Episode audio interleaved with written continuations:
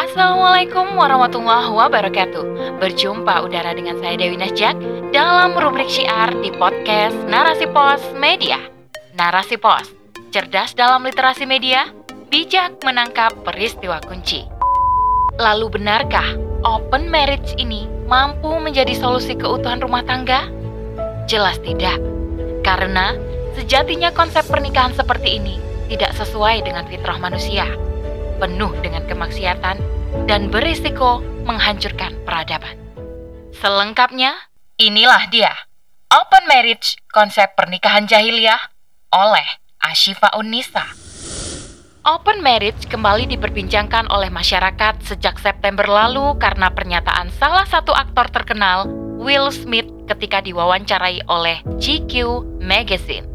Pernyataan tersebut tentu membawa kontroversi di tengah masyarakat Will Smith mengungkapkan bahwa pernikahannya dengan jada Pinkett Smith bukanlah hubungan monogami. Dilansir dari The Sun, Will Smith menyampaikan, "Kami telah memberi kepercayaan dan kebebasan satu sama lain dengan keyakinan bahwa masing-masing orang harus menemukan jalan mereka sendiri, dan pernikahan bagi kita tidak bisa menjadi penjara." Open marriage sendiri dimaknai sebagai pernikahan di mana pasangan suami istri bersepakat untuk memperbolehkan pasangan mereka menjalin relasi asmara, bahkan hubungan intim, dengan orang lain di luar pernikahan. Nyatanya, open marriage telah menjadi tren di dunia barat yang serba liberal. Banyak pasangan mengadopsi hal tersebut dengan alasan kebosanan, kebebasan berperilaku dan semata mencari kepuasan seksualitas. Menurut mereka, pernikahan terbuka ini tidak sama dengan perselingkuhan, karena pasangan yang menjalin hubungan dengan orang lain atas sepengetahuan, bahkan kesepakatan dengan pasangan masing-masing.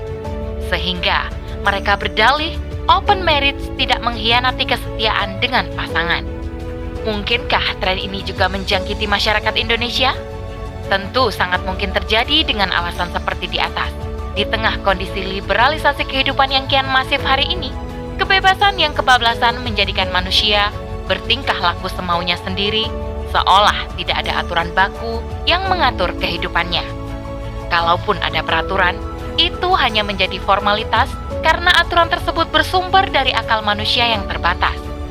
Jika menilik kembali sejarah, ternyata konsep pernikahan seperti ini bukanlah konsep baru yang ditemukan oleh kemajuan peradaban Barat, melainkan ia adalah konsep jahiliyah yang telah diterapkan bahkan sebelum Rasulullah diutus sebagai nabi terakhir penyempurna risalahnya. Dahulu, di tengah kaum kafir Quraisy telah diterapkan konsep serupa. Dalam kitab Al-Hawi Al-Qabir, karya Imam Al-Mawardi menuturkan, ada empat bentuk pernikahan pada zaman jahiliyah, yakni pertama, pernikahan al-wiladah, kedua, pernikahan al-istibda, ketiga, pernikahan al-rahd, dan keempat, pernikahan al-royah. Di antara keempat konsep ini, konsep yang sesuai dengan Islam hanyalah konsep pernikahan al-wiladah, yakni ketika seseorang laki-laki atau seorang pemuda datang kepada orang tua sang gadis untuk melamarnya, kemudian ia menikahinya disertai dengan maharnya. Sedangkan ketiga konsep lainnya hampir serupa dengan konsep open marriage atau open relationship yang hari ini digaungkan sebagai solusi kejenuhan dalam rumah tangga. Pernikahan al-istibda, di mana seorang istri diminta suaminya dicampuri oleh laki-laki lain yang terpandang agar memiliki keturunan yang baik. Pernikahan al-rahd, yakni sekelompok laki-laki menikahi atau menggauli seorang wanita dan ketika hamil, wanita tersebut berhak memilih laki-laki yang diinginkan menjadi ayah sang bayi. Sedangkan pernikahan al-royah yakni ketika seorang perempuan memasang bendera merah di rumahnya sebagai tanda siapa pun laki-laki bisa berzina dengannya. Jika hamil dan melahirkan, maka akan ditunjuk seorang di antara mereka dan nasab bayinya dinisbatkan kepada laki-laki tersebut. Maka salah besar jika konsep open marriage dikatakan sebagai bentuk kemajuan. Yang ada hanyalah kemunduran dan kejahiliahan. Lalu, Benarkah open marriage ini mampu menjadi solusi keutuhan rumah tangga?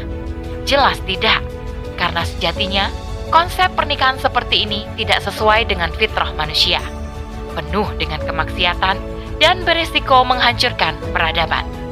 Konsep pernikahan seperti ini tentu banyak menimbulkan kemudaratan. Pertama, ketidakjelasan nasab atas bayi yang mungkin dilahirkan.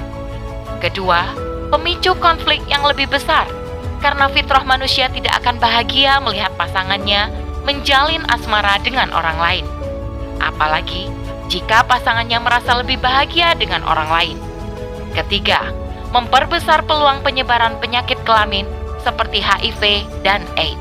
Maka, sebagaimana ketiga konsep pernikahan jahiliyah di atas, open marriage ini tentu sama-sama merujuk pada upaya legalisasi atau pewajaran atas aktivitas perzinahan dengan dalih kepuasan duniawi semata dalam masyarakat sekuler liberal huriatul jinsiah atau kebebasan seksual adalah salah satu prinsip hidup yang menurut mereka wajib untuk dipertahankan dan dikampanyekan di bawah payung hukum atau undang-undang demokrasi.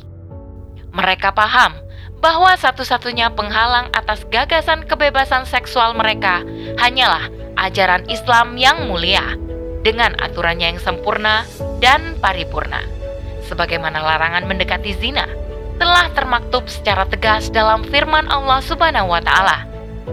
Janganlah kalian mendekati zina. Sungguh, zina itu tindakan keji dan jalan yang buruk. Quran Surah Al-Isra ayat 32. Bahkan, di dalam hadis, Rasulullah Shallallahu Alaihi Wasallam juga telah bersabda, tidak ada dosa yang lebih besar di sisi Allah setelah syirik, kecuali dosa seorang lelaki yang menumpahkan spermanya dalam rahim wanita yang tidak halal bagi dirinya. Hadis riwayat Ibnu Abi Ad-Dunya. Keharaman perbuatan zina juga dipertegas dengan adanya had atau sanksi bagi pelakunya. Padahal, pernikahan adalah suatu bentuk ketaatan dan bentuk ibadah kepada Allah yang pastinya tidak boleh tercampur dengan perkara kemaksiatan. Pernikahan di dalam Islam dipandang sebagai suatu aktivitas yang sangat sakral. Bahkan dikatakan sebagai salah satu mitsakon golizon, yakni perjanjian yang sangat kuat atau agung. Disejajarkan dengan perjanjian antara Allah dan para rasul atau ulul asmi, yakni Nabi Nuh, Nabi Ibrahim, Nabi Musa, Nabi Isa, dan Nabi Muhammad. Hanya Islamlah yang memiliki aturan begitu lengkap tentang pernikahan dan penjagaan atas kesakralannya. Sehingga setiap pasangan tidak boleh berkehendak bebas sampai melanggar syariatnya. Sebagaimana konsep open marriage yang penuh dengan kemudaratan. Maka, kita butuh penerapan syariat Islam dengan sempurna tanpa memilih dan memilah sesuka hati kita. Tentunya, penerapan ini tidak cukup dalam skala individu semata, tapi butuh untuk diterapkan menyeluruh dalam skala negara, yakni dengan penegakan khilafah Islamiyah. Hadanallah wa yakum wallahu a'lam bisawab.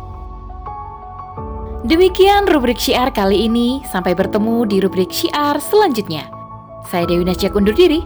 Afu minkum. Wassalamualaikum warahmatullahi wabarakatuh.